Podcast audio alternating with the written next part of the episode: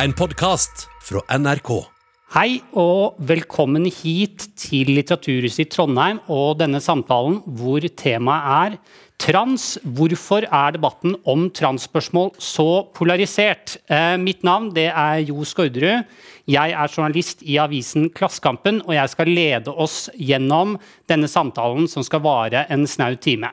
Og så har det seg sånn at Pga. korona så kjøres dette arrangementet uten publikum. Så hvis det er langt mellom applausen, så er det ikke fordi vi her oppe gjør en dårlig jobb, men fordi det ikke er noen her til å klappe for oss. Transpersoner de utgjør jo en liten minoritet i samfunnet, men debatten om trans og transpersoners rettigheter har fått stor plass i samfunnsdebatten og det offentlige ordskiftet. Eh, debattene er mange. Det er garderobedebatt, det er utallige debatter om JK Rowling.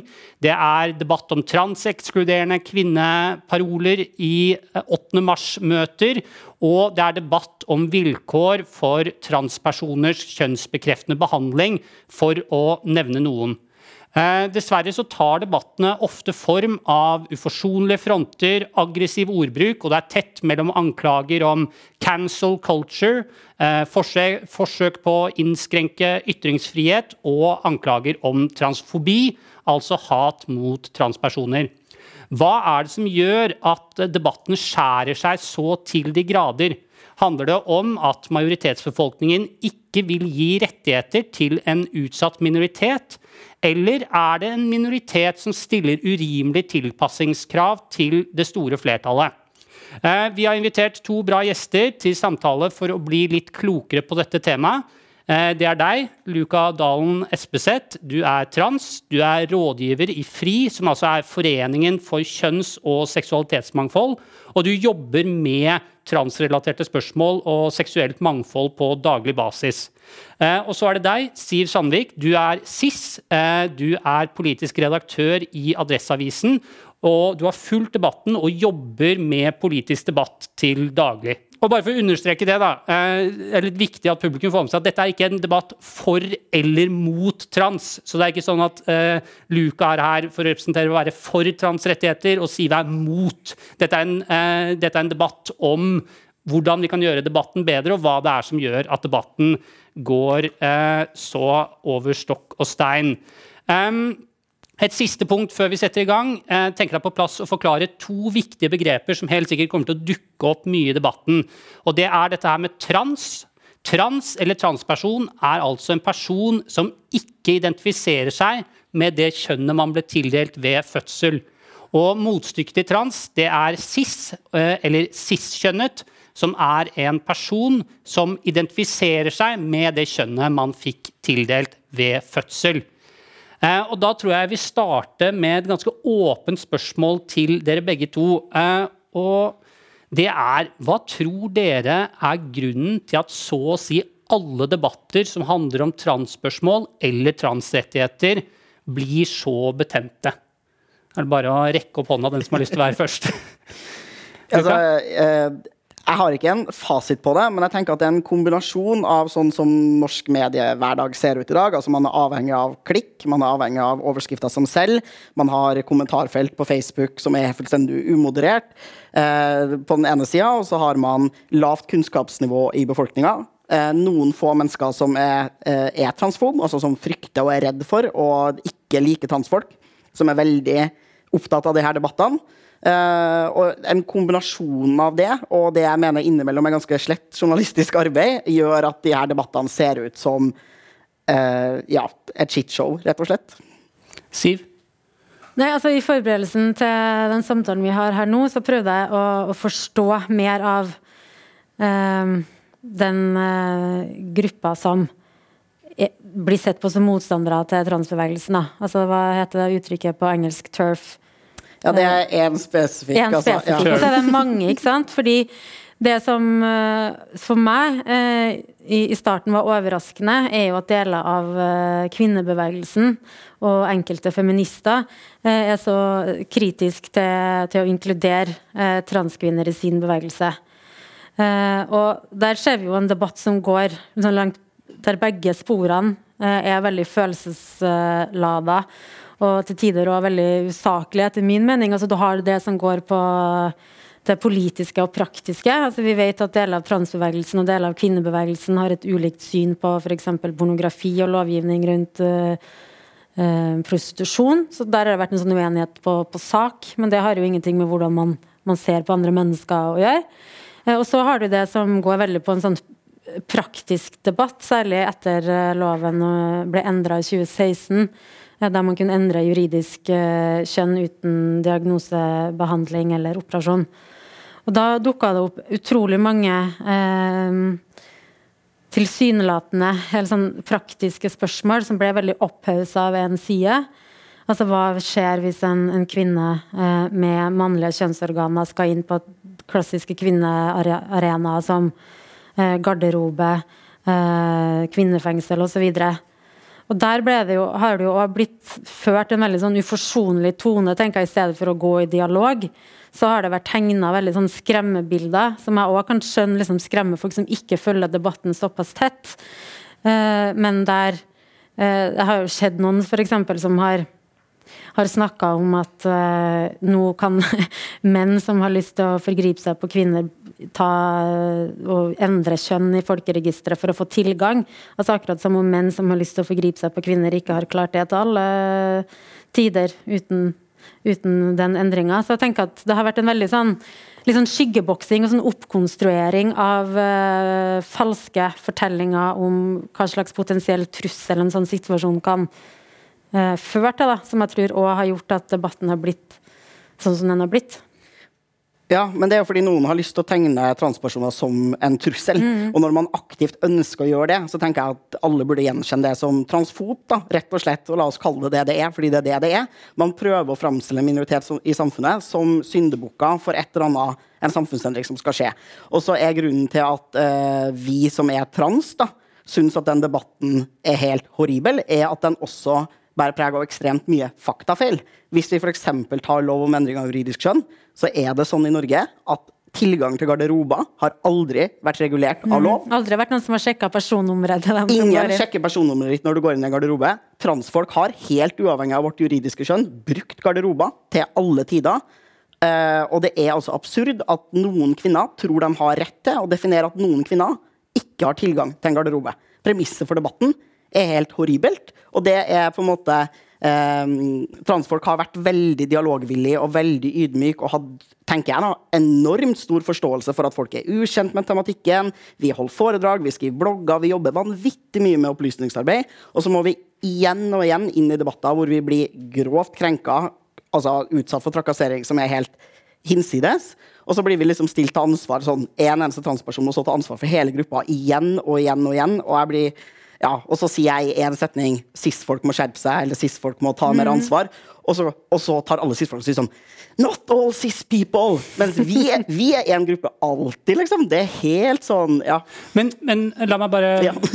se om jeg forstår det. Men mener dere nå at, mener dere at grunnen til at debatten blir betent, er at noen sitter aktivt og på en måte konstruerer, eh, konstruerer disse problemene? Altså at det sitter en, eh, en, liten gjeng med transfobe personer bak og konstruerer skremmebilder av transfolk? Eller er det, eller er det snakk om en reell usikkerhet, en reell Nei, altså, bekymring i en større en, Altså utafor eh, grupper med transfobe personer, da? Altså, jeg tror ikke det er noe sånn sentral i et mørkt rom at det sitter folk og har en sånn ond uh, plan. Og jeg tenker det er jo altså, For jeg skjønner at du er drittlei. Eh, men og for, for, transpersoner så ser jeg for meg at nettopp det med å, liksom, hvilke garderobe man velger, hvilken tokø man står i, er liksom spørsmål dere har blitt tvunget til å forholde dere til gjennom store deler av livet, og at det òg kan, kan være innmari vanskelig. Mens for majoriteten så er jo det her ting som vi bare tar som en selvfølge. Mm. Uh, og sjøl om du sier igjen og igjen og igjen og igjen, så har vi tatt debatten, da, så tror jeg at veldig mange cis-kvinner og cis-menn aldri har tenkt over muligheten for at det skal være eh, ei kvinne med f.eks. av mannlige kjønnsorganer i garderoben. Så først, jeg tenker at Første gangen de får den problemstillinga presentert, og jeg tenker særlig hvis de får den presentert på den måten enkelte ønsker å framstille på, mm. så skjønner jeg jo at de steiler, for det utfordrer jo en bluferdighet eh, hos enkelte. Og det utfordrer også for noen, altså særlig hvis du stiller opp sånn Hva hvis du står alene i dusjen, og så kommer det inn en naken person med penis? Ikke sant? Ja. Da hadde jo jeg kunnet blitt redd for det, kjent kjønnsidentiteten til den personen. Men likevel, det, jeg vet at det, men poenget mitt er at hvis du får den type ting som du umiddelbart skal ta stilling til, og at du da svarer med, liksom, med skepsis, det syns jeg ikke er transfobt. Uh, altså, vi kan diskutere hvorvidt det er transfobt eller ikke. Ja. Min definisjon av transfobi er ganske bred. Jeg mener at enhver handling og enhver struktur i samfunnet som får det å være trans til å framstå som mindre ønska, mindre naturlig og mindre ekte enn det å være cis, er transfobt.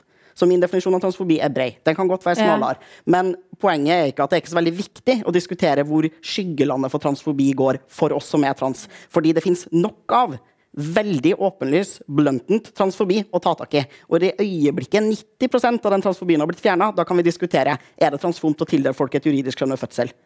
Og så kan vi diskutere det. Og du vil sannsynligvis si at det ikke er transfobt. Jeg vil si at det er transfobt. Men jeg altså, vet at det er radikalt. Altså transfobt å, å si dette er en jente hvis den har, eh, hvis den har uh, jentetiss. Nå glemte jeg hva, hva jentetiss het, det var billig. Uh, eller dette er en vagina, vulva det, ja, ja, det var, ikke sant, ikke sant? Der finnes mange, mange flotte ord. Um, men ja, det, det, er det du Debatten trenger ikke å handle om det, men selvfølgelig vil det finnes altså, folk som definerer transfobi bredere og smalere. Men poenget her er at cis-folk har en tendens til å tenke at det er selvsagt at de skal få lov til å definere hva transfobi er, og at vi er nødt til å lytte på det. Og det tenker jeg at Hvis det er noen som skal ha liksom, definisjonsmakt og bli lytta til over andre, så er det transfolk. Det er vi som blir det er vi som blir ramma av transfobi, og som klarer å gjenkjenne og se det.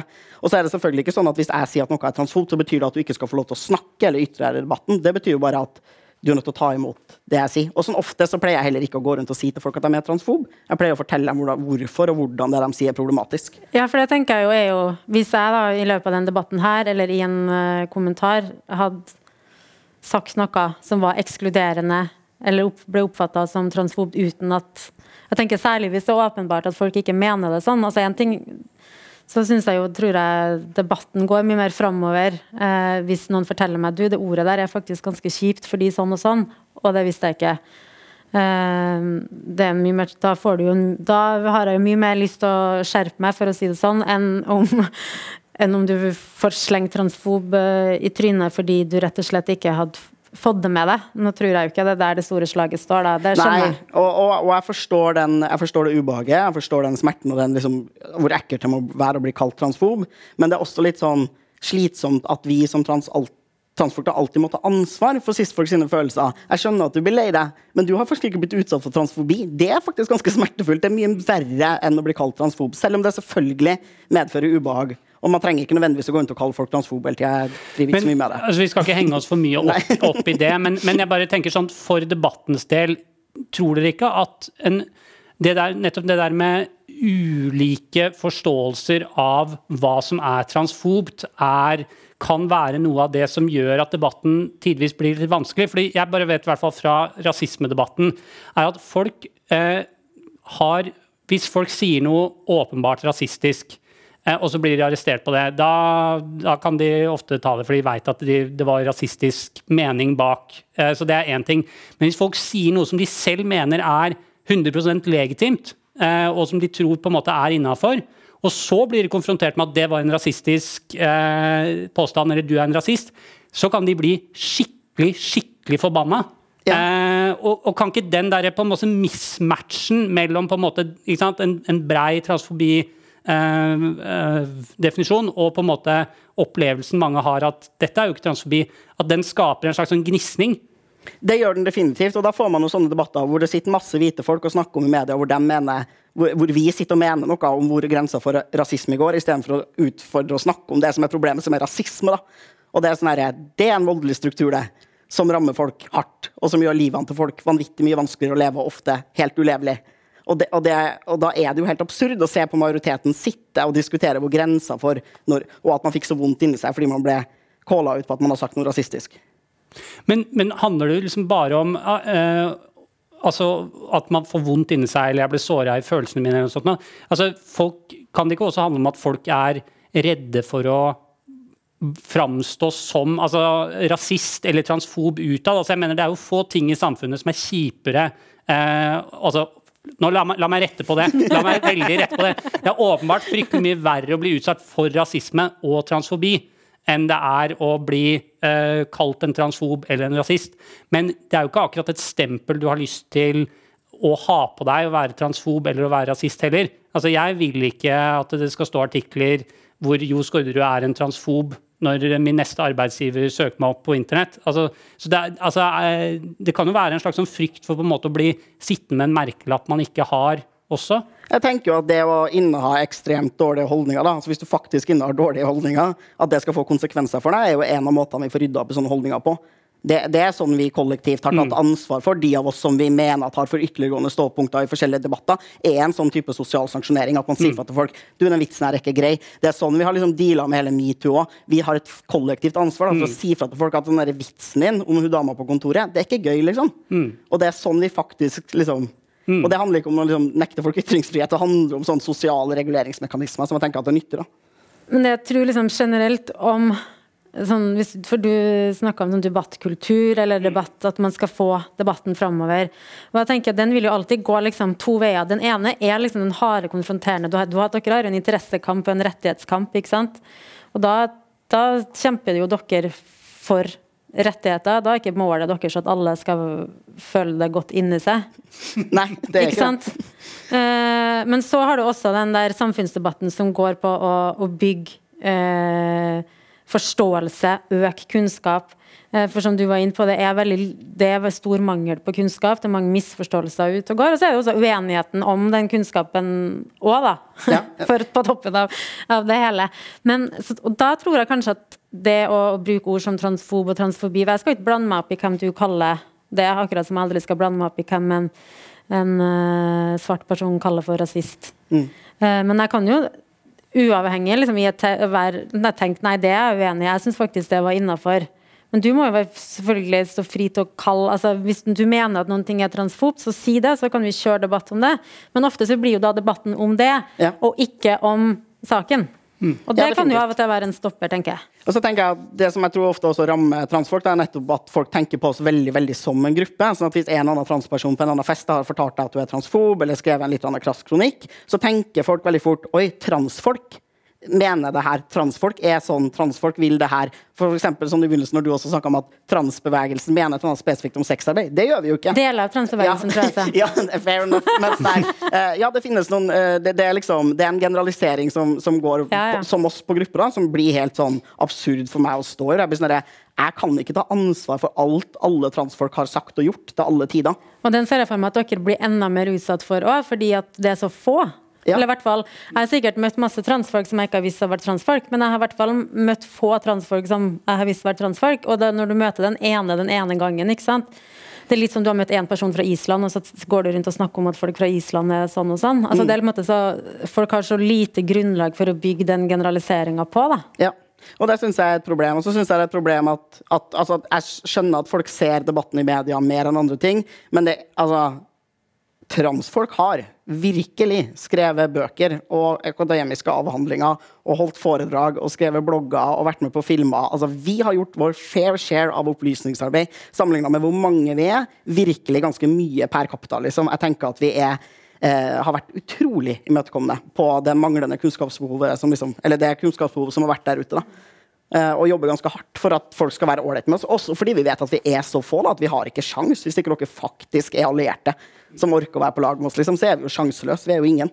Jeg merker at det er mange spørsmål uh, som melder seg i, i hodet mitt. Men uh, la meg spørre dette her. Tror dere, altså, Det virker som vi er ganske enige om at det kan være et ganske tøft, uh, tøft debattklima i, i denne, denne, debatten om transrettigheter og egentlig alt som dreier seg om transspørsmål. Tror dere at det harde debattklimaet har gjort at folk som burde være med i debatten, eller som har noe fornuftig å si, vegrer seg for å, for å ytre seg i den?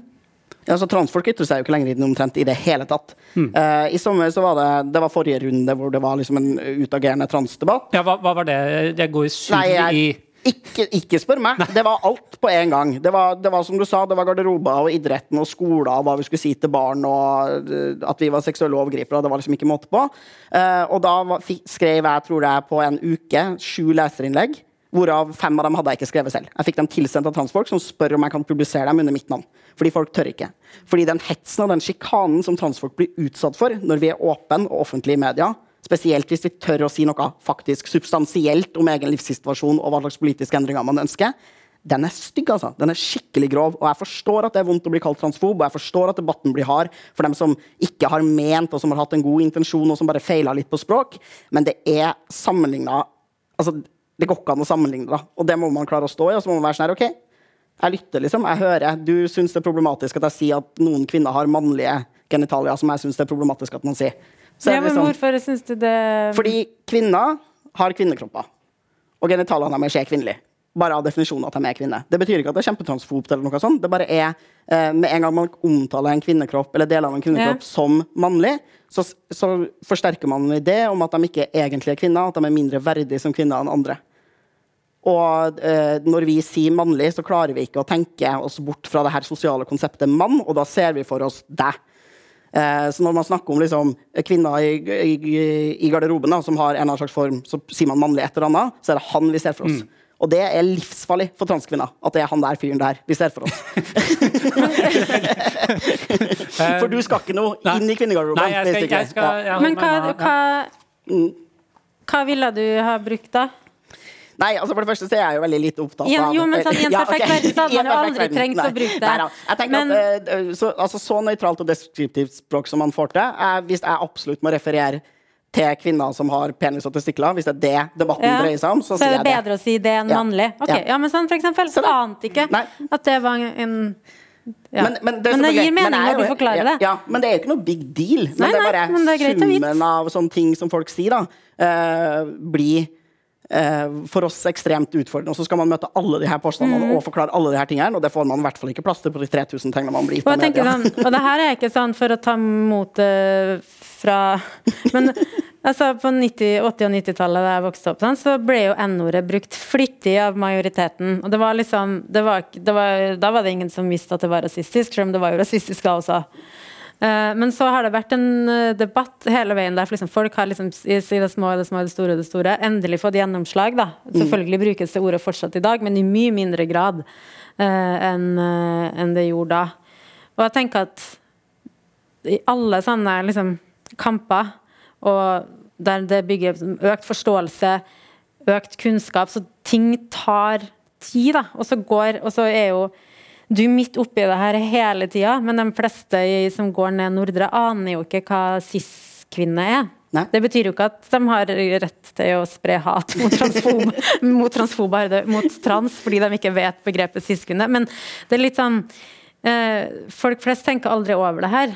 Men da vil jeg spørre, og jeg tror at de grad, er villige til, jeg tror at de vil lære hvis uh, ja. men, men, i hvilken grad har, har en cis-person ansvar for å sette seg inn i på en måte altså kodene for hva som er riktig eller hva som er innafor, før man ytrer seg i en sånn uh, debatt? Er det på en måte noe Altså, jeg tenker at Vi alle mennesker har et kollektivt ansvar for å se de maktstrukturene som finnes rundt oss, og hvordan de rammer enkelte personer hardere enn andre. Gjerne altså marginaliserte grupper. da. Alle marginaliserte grupper som finnes, og dem er det ganske mange av.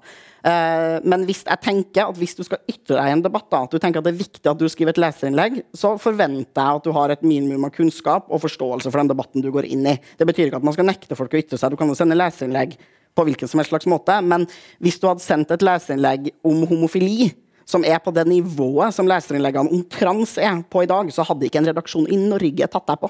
Fordi det du, det du framstilles, er, eh, er så liksom avleggs og Men Hva er det du sånn, reagerer mest på? I den sammenligninga der, da? Hva er det du mener som altså, det, har jo, det har jo skjedd en del av det, så det sånn at jeg ikke, men hva er det du syns er mest av i sånn type debattinnlegg som du mener jeg aldri hadde gått gjennom hvis det hadde vært homofili? Nei, altså At man får lov til å skrive et langt debattinnlegg hvor man f.eks. sier eh, transkvinner er ikke kvinner, kjønnsidentitet er faktisk bare en følelse. Skal vi drive og legge til rette og snu på hele samfunnet fordi noen mennesker har en annen følelse? Og så blir jeg sånn, Tenk hvis du har sagt det med homofili. Homofili er unektelig en følelse. Det fins ingenting ved homofili som er noe annet enn en følelse. Det er mennesker som forelsker seg og har lyst til å ligge med folk av samme kjønn. Det er bare følelsesstyrt. Det finnes ingen biologiske sånne ting, plukkbare, synlige, noe. Og vi anerkjenner fullt ut at selvfølgelig er følelsene til folk ekstremt viktig, og selvfølgelig kan vi ikke diskriminere folk fordi de er homo. Vi kan like gå rundt og si eh, heterofile som tror de forelsker seg i folk av samme kjønn. Altså det, det, er på en måte sånn type ordlegging mm. som blir brukt i transdebattene hele tida. Og jeg forstår at man ikke har lært seg å gjenkjenne den. da. Jeg forstår at det, liksom, at det tar tid, men man må også forstå frustrasjonen hos mennesker som er sånn her ja, jeg skjønner at samfunnsendringer tar tid, men det det betyr for meg, da, er at jeg aldri skal få lov til å eksistere på denne jordkloden her og føle meg likestilt til andre mennesker.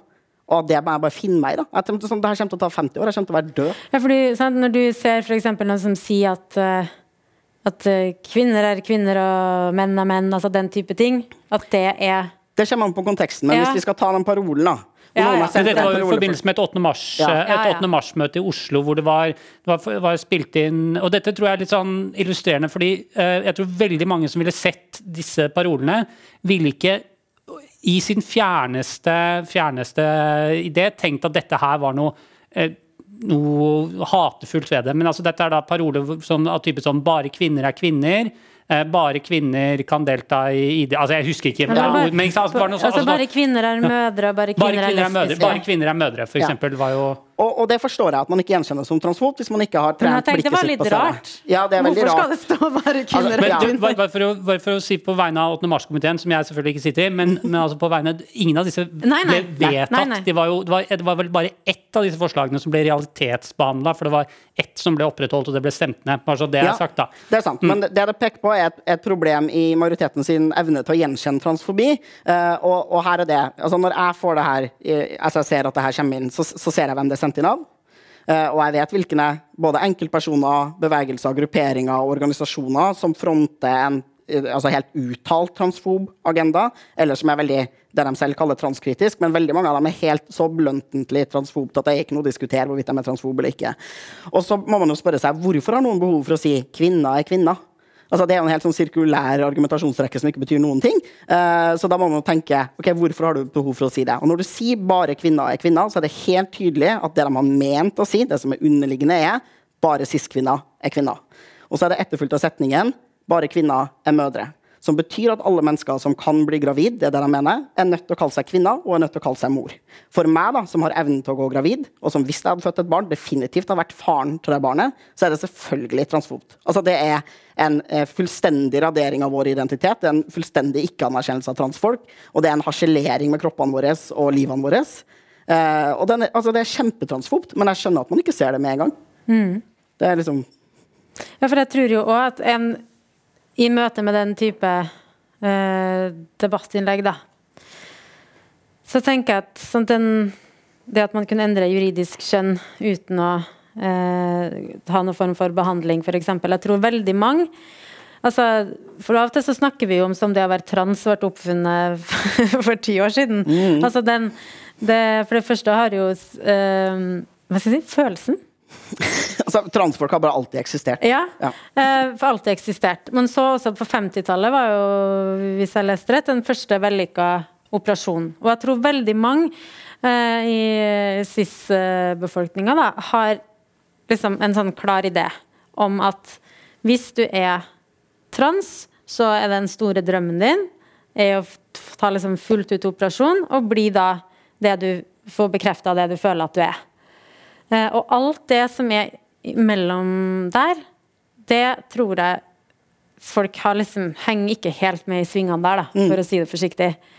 Og jeg tror det er mye lettere å, å få liksom aksept for, uh, for den du sier du er, hvis du tar liksom en operasjon fullt ut. Og det er jo også veldig um, ironisk, eller tragisk, all den tid. For det første at ikke alle som vil får den operasjonen. Og også fordi Hvorfor det? Når vi uansett har på en måte anerkjent at det er en, det er en følelse.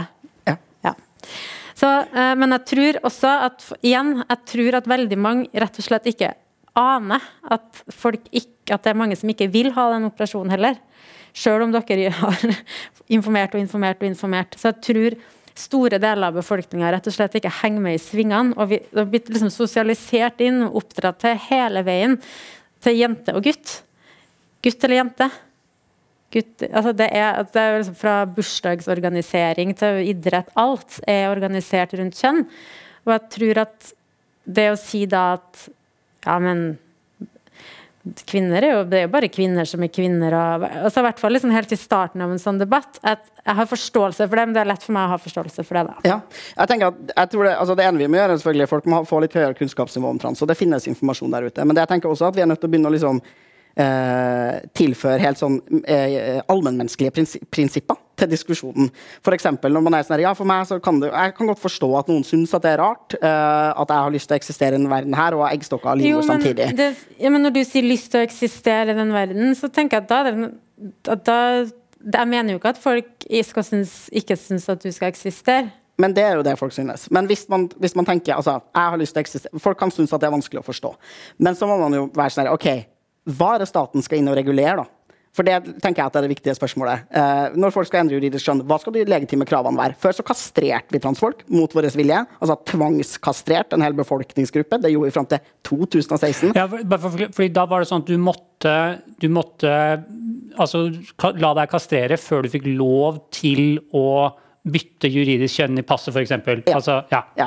Og det eh, er jo både et ekstremt overgrep, altså sånn rent kroppslig, i tillegg til at det satt alle transfolk som enten ikke hadde tilgang på denne type kirurgi, som også var en majoritet av oss, eller som ikke ønska den, satt oss i en posisjon hvor våre identifikasjonspapirer var helt ubrukelige. Når jeg reiser rundt med pass som det står kvinne i, så har ikke jeg samme mulighet til å reise som det andre mennesker med et norsk pass har.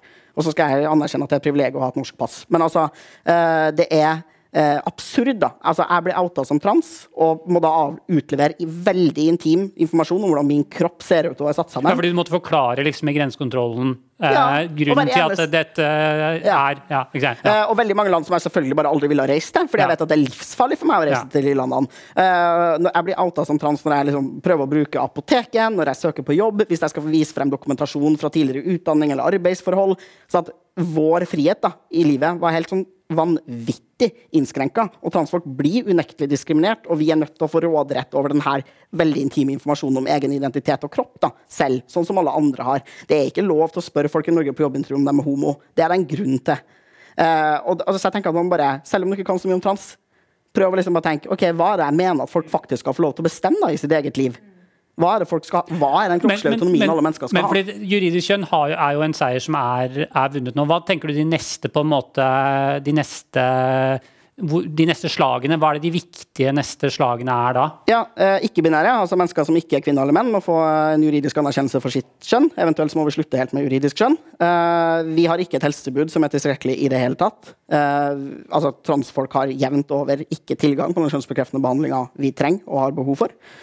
Uh, det tenker jeg er de to liksom, aller viktigste tingene som må på plass. I tillegg så er det liksom den her generelle holdningsarbeidet uh, ute i samfunnet, hvor vi bare må respektere at vi finnes da, og synliggjøre oss. Og så må man gjøre sånne småtteri-ting som å sørge for at vi faktisk har tilgang til offentlige rom da, på lik linje med andre. Så kan man løse den garderobesituasjonen sånn som man vil. Men vi kan i hvert fall ikke bare si at en hel gruppe i samfunnet ikke skal ha tilgang til det offentlige rom. Men da vil jeg bare gå inn på litt sånn hva som er på en måte legitimt å diskutere og problematisere i debatten igjen. For det, Du nevner dette her med helse, helsebehandling, altså kjønnsbekreftende behandling og helsetilbud til transpersoner. og Det er jo et eh, sånt tema som dukker opp igjen i debatten, og som, og som er mye diskutert. Jeg tror Senest i dag var det, eller i går var det vel det kom en NRK-artikkel som NRK senere måtte fjerne fordi det ble, ble mye hat og og sånt noe, i, i hvert fall på sosiale medier, men som gikk på dette her med som gikk på dette her med behandling. Og Da er det dette her med at det har vært en tidobling i løpet av de siste ti årene i antallet eh, som søker seg til eh, kjønnsbekreftende behandling. Og det har vært særlig blant eh, unge Altså jenter i ungdomsalderen, da. Gutta. Som, ja, unnskyld, unnskyld eh, beklager. Men, altså, men, men eh, gutter i ungdomsalderen som som vil bytte. og Det er problematiseres av ganske tunge medisinske fagmiljøer. og Folkehelseinstituttet er bekymra for at man har gjort uh, har for, altså endret loven i for liberal retning. Og det jeg lurer på da er på en måte, er det noe altså, som er legitimt å diskutere? Ja, det er legitimt å diskutere, men du er nødt til å ha ganske god kjennskap til fagfeltet. Og så er du nødt til å anerkjenne det som er et faktum, at også helsepersonell kan være transfob. Eh, og det har vi sett opp gjennom historien. Altså, vi var registrert som å ha en psykiatrisk lidelse fordi vi var trans, fram til 2018. Homofili var en diagnose til ikke så altfor lenge siden. Eh, altså, vi har alltid brukt medisin for å trykke gruppa nede. Vi har brukt medisin aktivt for å kastrere folk. altså Den medisinske historien er full av diskriminering og stigma og helt forferdelig atferd. Så vi må anerkjenne at det faktisk kan hende at det også skjer i Norge i dag. Og vi som er trans selv, vi sier at det skjer. Og når 70% av alle mennesker som har vært innom den nasjonale tjenesten for kjønnsbekreftende behandling, sier at de har følt seg dypt krenka og diskriminert i møte med tjenesten, da bør det lyse noen varsellamper. Og så tenker jeg, de, de tallene du, du, du, sier, ja, det stemmer. Det har vært en tidobling i antallet mennesker som oppsøker kjønnsbekreftende behandling de siste ti åra. Det har ikke vært noen økning de siste tre årene. Eh, Økninga kommer selvfølgelig av mer åpenhet, kunnskap om at behandlingstilbudet finnes, rettigheter for transpersoner og informasjon. liksom. Bare internett og sosiale medier. Og så er man ekstremt tydeligvis bekymra for den enorme økningen i uh, unge transgutter. Altså mm. Eh, mennesker som ble registrert som kvinner ved fødsel, som oppsøker helsetilbudet i tenårene.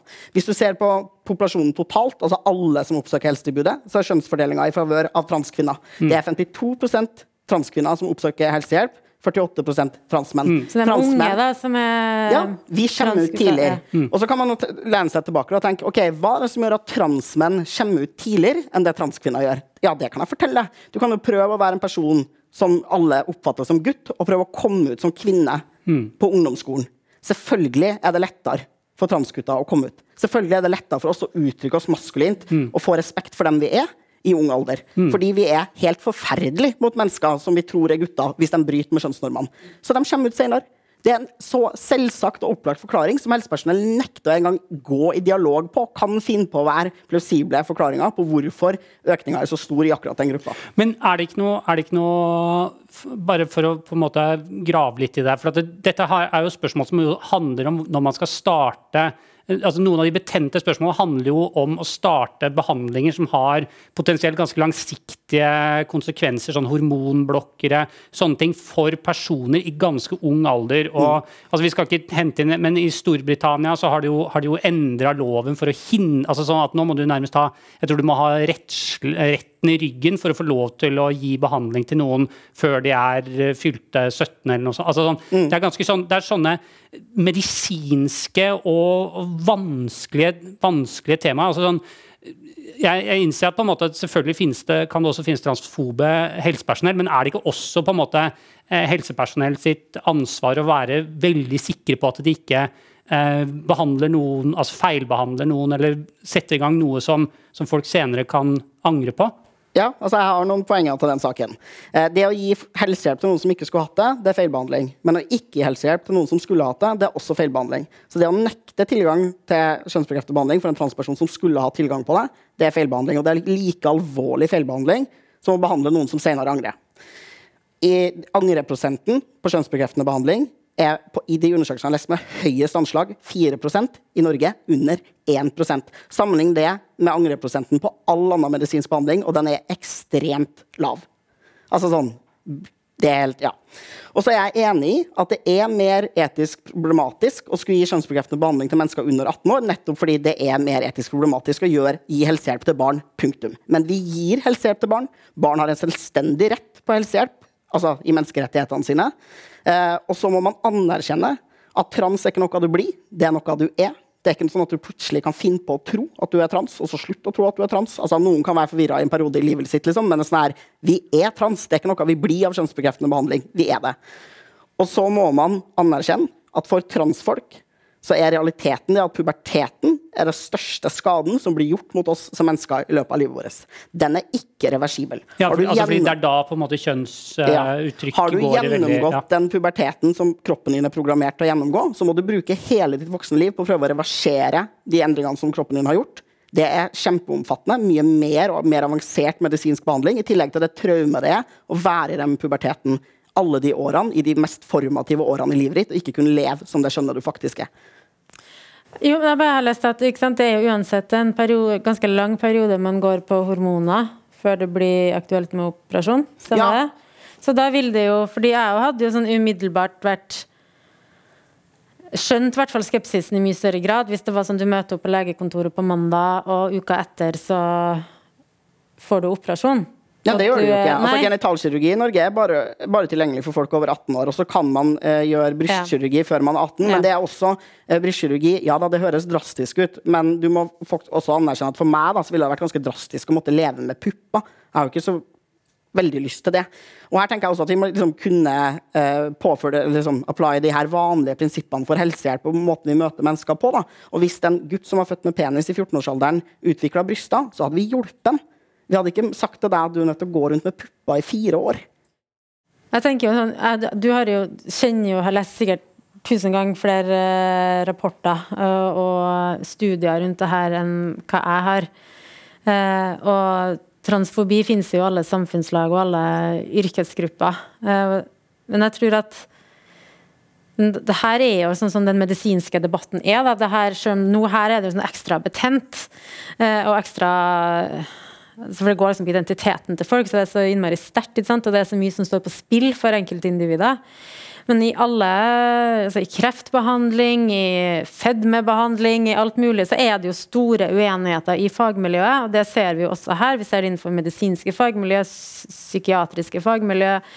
Eh, og der, her tenker jeg, der må jo bare vitenskapen gjøre jobben sin. Da. Altså, må, det må komme forskningsrapporter, og så sier noen andre nei, det er feil fordi sånn, og så Men, men det tar jo veldig lang eh, tid, da. Ja. Er, er, ikke det, er ikke det litt av utfordringen at på en måte hvis man skal gå gjennom den prosessen, så er det Det er jo et vel, annet veldig godt poeng med liksom, tilbudet i dag da, i Norge, er at man sier for eksempel at man ikke gir kjønnsbekreftende behandling til ikke-binære mennesker fordi man ikke har nok forskning. Og så blir jeg sånn, hvordan får du forskning, da? Hvordan men, får du vet du Luka? kunnskap? Jeg, jeg, tror, jeg tror bare du må stoppe Ja, deg der. For at, nei, nei, ikke sorry, men, men kan ikke du bare forklare en gang til? For jeg tror ikke det er helt forståelig for alle lytterne hva en ikke-binær Ja. person er for noe. Så kan du bare gi en veldig Ja, kort eh, forklaring på det. En ikke-binær person er et menneske som ikke identifiserer seg 100% enten som kvinne eller som mann. Det kan være mennesker som ikke føler at kjønn er noe identitet de driver med, som veksler mellom forskjellige kjønnsidentiteter, eller som føler seg som et helt annet kjønn enn det vi har forestillingsevne sånn i umiddelbart nærhet til å forestille oss. Eh, en av de mest liksom, kjente og åpne trans, altså ikke-binære transfolkene i Norge er Espen Ester Pirelli Benestad. Eh, henne er en sånn type trans som endrer kjønnsuttrykk litt sånn fra tid til annen. Andre ikke-binære folk gjør ikke det, eller uttrykker seg på andre måter. Men det er liksom en sånn samlekategori på folk som bare ikke er 100% plassert på ytterkantene her, da. Men da tillater jeg meg bare stille et sånn opplysning, eller til Mm. opplysningen her. Fordi da tenker jeg, hva slags behandling er det da de etterspør? Ja, fordi her er det som er hele premisset for kjønnsbekreftende behandling. da, er at Når jeg oppsøker kjønnsbekreftende behandling, Ja. så er det jo ikke for å tilfredsstille uh, de, din eller samfunnet sin idé om hva en mann er. Det er for at jeg skal få det godt i min kropp. Og da vil mitt behandlingsbehov burde da ta utgangspunkt i hva med min kropp er det jeg har lyst til å endre, og hva er det som er medisinsk mulig å endre, og på hvilken måte. Og da ser man jo at både binære og ikke-binære transfolk kan ha et helt arsenal av forskjellige behov. da. Eh, sånn at, ja, jeg er mann, og jeg har eggstokker samtidig. For meg funker det helt fint. Fordi eh, jeg har ikke noe dysfori eller ubehag knytta til det ha eggstokker. Andre transmenn kan oppleve det som veldig ubehagelig, og bør selvfølgelig få tilgang til å fjerne dem. På samme måte er det med ikke-binære. da. Behovet kan variere. Eh, så mange ikke-binære folk ønsker seg det samme da, som binære transfolk. Eh, hormonbehandling, enkel kirurgi, en kombinasjon av dem to. Bare én av tingene. Det varierer, da. Men jeg vil bare spørre et, eh, spørre et spørsmål som noe som har slått meg når jeg følger disse debattene. Og det er at kanskje med unntak av det ene vi snakker om, dette her med hvem som skal få behandling, så har det når på en måte debattene blir eh, hardest, og når jeg opplever at det blir styggest, da dreier det seg veldig ofte om transkvinner. Eh, altså at det, det, det det er der det blir bråk. Det er ikke, vi har ikke hørt en døyt om mannegarderoben. Det kan veldig godt hende at det er problemer der òg, men det er i hvert fall ikke noe vi har hørt problematisert veldig. Og det, går igjen og igjen at det er på en måte transkvinner altså kvinner som er det er der på en måte de virkelig stygge debattene er. Er det bare noe, noe jeg har fått for meg, eller er det en reell greie? Altså, begge to, Siv, du følger jo også disse debattene. Ja, nei, jeg er jo helt enig med, med din uh, observasjon. Og har ikke noe du, du var jo kanskje litt inn på det i sted, da, at menn som uh, Som folk som er født Det går bra. Se, du får det til. Det går kjempefint. Det er ikke noe problem. Og jeg ropte ikke transfob. Det her gikk kjempebra. Jo, altså, de er jo eh, Transkvinner er jo eh, Altså, jeg tror nesten hver fjerde sånn krimepisode jeg så som barn på 90-tallet, handla om en transkvinne, ofte prostituert, som ble drept eh, eller eh, voldtatt og kidnappa og partert. Altså sånn Ja, eller så sånn- parterte andre. Det Ja, gjør de også Det var liksom Ja. alltid enten at hun var helt psycho, Mm. eller at folk gjorde helt forferdelige ting mot hun Og at det var alltid sånn veldig Eller at eh, det var komedier i hermetegn som gikk ut på at eh, en eller annen fyr gikk inn på en bar, sjekka opp ei lekker dame, og så viste det seg å være en transkvinne, og bare æsj. Mm. Altså at det, der, at det alltid har blitt sett på som mye mer sånn at trua liksom, menns seksualitet, da, på en eller annen måte. Ja. Det ser vi jo også liksom, i homofobidiskusjonen. At, eh, um, at menn kan bli voldelige mot at enkelte menn Det blir viktig å presisere det òg. Not all men. eh, kan eh, bli voldelige mot eh, folk som av ulike grunner liksom utfordrer deres syn på seksualitet og seg sjøl. Eh, Så det er jo det, den ene grunnen til det, men det forklarer jo ikke det der med, med bråket rundt garderobe. Og der tror jeg jo Kanskje kan det være Nå kaster jeg bare ut en teori her om at eh, menn har ikke blitt oppdratt til å frykte eh, nakne Kropper. kropper, mens det har vi. Altså i større grad. Eh, og jeg sier ikke da at transkvinner er farlig, men bare du får liksom ideen kasta ut, penis i garderoben, så høres det mye mer skummelt ut eh, for en kvinne enn for en mann å høre om vagina i garderoben. Ja, eh, jeg er enig i det. Og jeg tror at noe av problemet med debatten her er akkurat den fremstillinga som er gjort da, av transkvinner i media. Altså at Når vi snakker om transkvinner i garderoben, så ser folk for seg menn i garderoben. Og det er litt viktig at vi presiserer at det er ikke menn, liksom. Det, det er faktisk kvinner. Eh, og de er ganske lett gjenkjennelige som kvinner. Eh, og ja. Men jeg tror deler av det Altså, transkvinner blir utsatt for en helt spesifikk kombinasjon av liksom misogynisme, homofobi og transfobi som spiller sammen på veldig intrikate måter. Men jeg tror den generelle samfunnsdebatten vår lider av en sånn god gammeldags moralsk panikk. Og når samfunnet får en sånn moral panic-respons på et eller annet nytt som skjer, så prøver man å verne om kvinner, og man prøver å verne om barn. Og transfolk rammes av denne debatten på den måten at transmenn blir bare snakka om frem til vi er 18 år. For da eh, er vi små vergeløse jenter i de her transfobe folka sine øyne. Det er alle de her søte nasjonens døtre som er i ferd med å få skjeggvekst og mørk stemme. og oh, så forferdelig. Uh, og da kan vi ikke snakke om transkvinner når de er under 18, fordi da må vi anerkjenne at de er barn og ha omsorg eller empati for dem. Og det kan vi ikke ha, fordi er, en- altså folk er opptatt av å fremstille transkvinner som en reell og farlig trussel. Da snakker vi bare om dem når de er voksen, så plasserer vi dem som menn og sier at de er farlige, og så skal vi verge de vergeløse kvinnene mot dem. Men bare, bare for å komme med ett, bare for å komme med ett på en måte djevelens advokat-spørsmål her, for kan ikke også noe eh, noe av eh, den, de motforestillingene som en del kvinner har mot å, å slippe eh, kvinner som er, er trans, inn i garderober, eh, inn i krisesentre og sånt, og også dreie seg om rett og slett sånn, altså sånn fysisk styrke og på en måte voldspotensial, eller er det bare helt eh, altså fordi altså En person født med en eh, med, som mann har jo noen på en måte fortrinn. Altså er det, eller er det bare helt ko-ko? Altså, det Statistisk sett, men man kan jo heller ikke bare si at fordi mennesker er sterke, så er det et voldspotensial i dem. Eh, og, og krisesentrene har jo vært ute nå og skrevet kronikk og vært helt Ja. tydelige på at transpersoner er særlig voldsutsatt, og at man selvfølgelig skal plasseres i hovedregel i tråd med egen kjønnsidentitet. Og så har man jo tilpasninger. Det samme gjelder fengsel. er heller ikke regulert, altså Enda en ting som ikke er regulert av juridisk skjønn. Man har en forskrift som sier at man i all hovedsak skal følge eh, juridisk skjønn, kjønnsidentitet, og så skal man ta individuelle forhold i betraktning. Som, altså da vil være sikkerheten både til den innsatte og til de andre innsatte. Der tar man en helhetsvurdering. og Man har ikke engang i Norge en juridisk lovfesta rett til å sone i kvinnefengsel hvis man er kvinne. Punktum. Det er bare også en sedvane vi har. Sånn at det, det er så mye feilinformasjon her som bare uh, get tangled opp i å spille på folk sine fordommer og sånn umiddelbare fryktfølelse. Og man må bare anerkjenne at en sånn umiddelbar fryktfølelse da, den, eh, den er reell, og den skal vi ta på alvor. Men vi skal ikke la den styre en debatt, og spesielt ikke en debatt om folks rettigheter. Kort, eh, Siv. Ja, nei, for jeg husker jeg satt uh, for noen år siden og drakk uh, øl med en kompis, og så snakka vi om denne statistikken ikke sant, som viser at stadig flere Eh, transgutter eh, er transgutter. Ja. Eh, og så sa jeg noe sånt som ja, men det kan jo være litt sånn hvis de sliter med noe annet, og at det er litt sånn, at de blir påvirka av sosiale medier, og at det blir litt sånn trend, på en måte, sa jeg da. Og så sier han sånn Ja, si, det høres ut som bestemora mi når hun snakker om homofile. Og som sier det var aldri noen homser før. Mm. Og det, det, er i hvert fall en parallell da, tenker jeg, rundt den uh, debatten. Jeg synes at, ja å sammenligne det med homofili er veldig enkelt, fordi folk er bedre på å gjenkjenne homofobi. Prøv mm. å bare gjøre det litt inni hjernen og øve litt og være sånn Ja, OK, da blir det jo litt rart. Altså, det er mange spørsmål som jeg eh, hadde hatt lyst til jeg, jeg, sa jo før vi begynte å prate at det kom ikke sjans i hav til å komme gjennom alt eh, jeg hadde skrevet opp som jeg lurte på. Og det er masse spørsmål som jeg kunne spurt nå. Det er interessant med dette her med på en måte feminisme og trans og mer sånn konflikter som oppstår der og sånt nå. Men det tror jeg rett og slett ikke vi har tid til, for vi har omtrent fem minutter igjen. Og jeg har lyst til å høre hva dere tenker bør gjøres av grep hvis man ønsker seg en bedre debatt. Hvilke konkrete grep kan man ta? Da tenker jeg både for samfunnsdebatten sånn generelt, altså sånn for alle, og også kanskje spesifikt for de som fortsatt er litt sånn portvoktere eller viktige i debatten, altså media. Hvor du, mm. både du og jeg jobber, Siv. Så egentlig jeg vil bruke de siste tre-fire minuttene vi har på det. Hvem har lyst til å være først?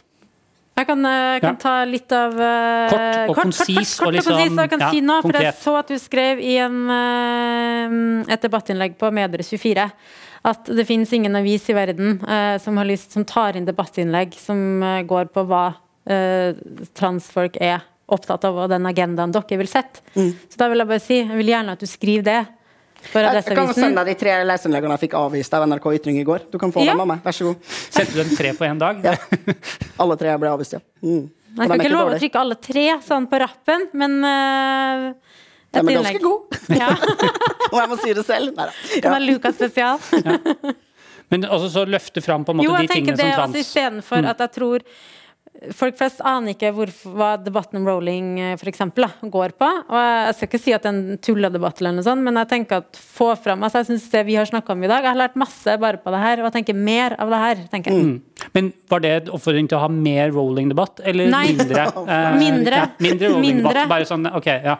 Ja. Takk. Eh, ja, jeg tenker at eh, media må, må si fra til organisasjoner hvis dere trenger skolering på språk og hvordan man snakker om ting. Eh, hvis man har lyst på leserinnlegg, så, så be om å få dem. Transfolk er generelt altså vi blir avvist ofte. Uh, vi er redd for å skrive.